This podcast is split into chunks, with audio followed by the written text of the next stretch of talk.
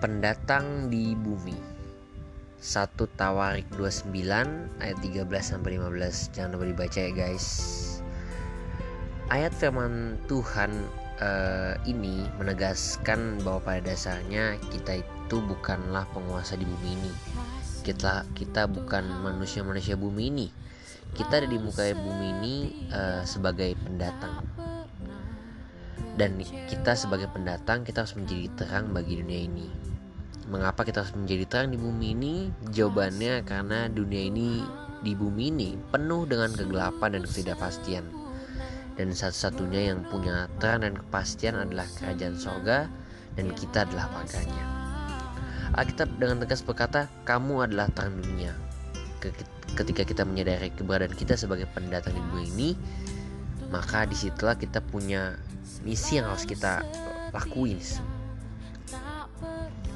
Firmannya berkata, sekarang ya sekarang ya Allah kami kami bersyukur kepadamu dan memuji namamu yang agung itu. Sebab siapakah aku ini dan siapakah bangsaku sehingga kami mampu memberikan persembahan sukarela seperti ini?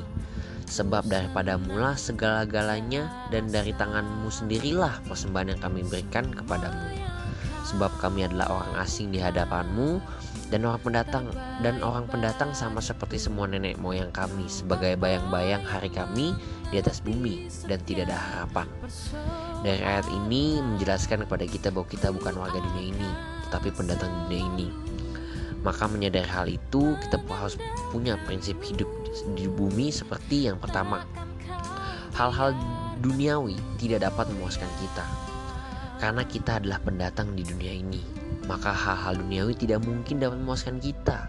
Itulah sebabnya orang yang memakai narkoba, seks bebas, mengejar kedudukan dan harta, lama-kelamaan tidak akan puas lagi.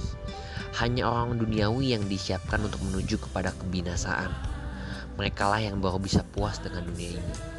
Sebagai warga soga kita sudah diberi kepekaan oleh Tuhan. Ketika ada sesuatu yang tidak beres atau hidup dalam dosa, maka kita akan diingatkan oleh Roh Kudus untuk berbalik aku aku juga belajar uh, akan beberapa hal. Mungkin hari ini kita menginginkan sesuatu entah di posisi tertentu entah uh, uang dan jumlah tertentu atau apa pun itu yang keinginan kita. Sometimes kadang pada saat kita di posisi di mana kita sudah memilikinya kita pasti punya perasaan untuk pengen lebih lagi. Ingin memiliki dengan jumlah yang lebih lagi ingin kedudukan yang jauh lebih tinggi lagi atau ingin memiliki sesuatu yang selalu lebih lagi. Karena pada dasarnya sifat manusiawi itu manusia itu ya nggak bisa puas cuma Tuhan yang bisa muasin kita. Kedua dunia bukan tujuan akhir kita karena dunia ini bukan tujuan akhir kita maka selama kita di dunia ini tujuannya bukan bagaimana supaya kita kaya sukses dan dikenal orang. Tapi tujuan akhir kita adalah surgawi karena itu, selama di dunia, upayakan bagaimana kita dapat menyenangkan hati Tuhan, bagaimana kita dekat dengan Tuhan, dan bagaimana kita dapat senantiasa taat pada perintah Tuhan. Buat kalian semua yang mungkin hari ini di posisi di bawah, posisi down, di saat mungkin kalian udah gak punya apa-apa lagi, gak punya apa pun yang bisa dibanggain, atau mungkin kalian udah gak punya siapa-siapa lagi yang di sisi kalian buat support kalian, aku cuma mau ingetin kalau dunia bukan tujuan akhir kita kalau seandainya kita memang hari ini punya kekayaan, punya karir, punya atau uh, orang yang mengasihi kita lebih, itu semua karena izin Tuhan dan itu semua karena anugerah Tuhan. Ketiga, kita tidak boleh terikat dengan hal dunia ini. Semua perkara-perkara dunia ini tidak ada yang kekal, sifatnya sementara dan menjomuskan. Karena itu, ketika hal-hal duniawi mengingat kita, maka hal duniawi akan menjajah dan membelenggu kita. Tetapi ketika kasih Kristus mengingat kita, maka hidup kita akan penuh dengan semangat, kekuatan, sukacita, dan berkat Allah yang istimewa. Keempat, kita harus berbeda dengan dunia ini. Kita bukan berasal dari dunia ini.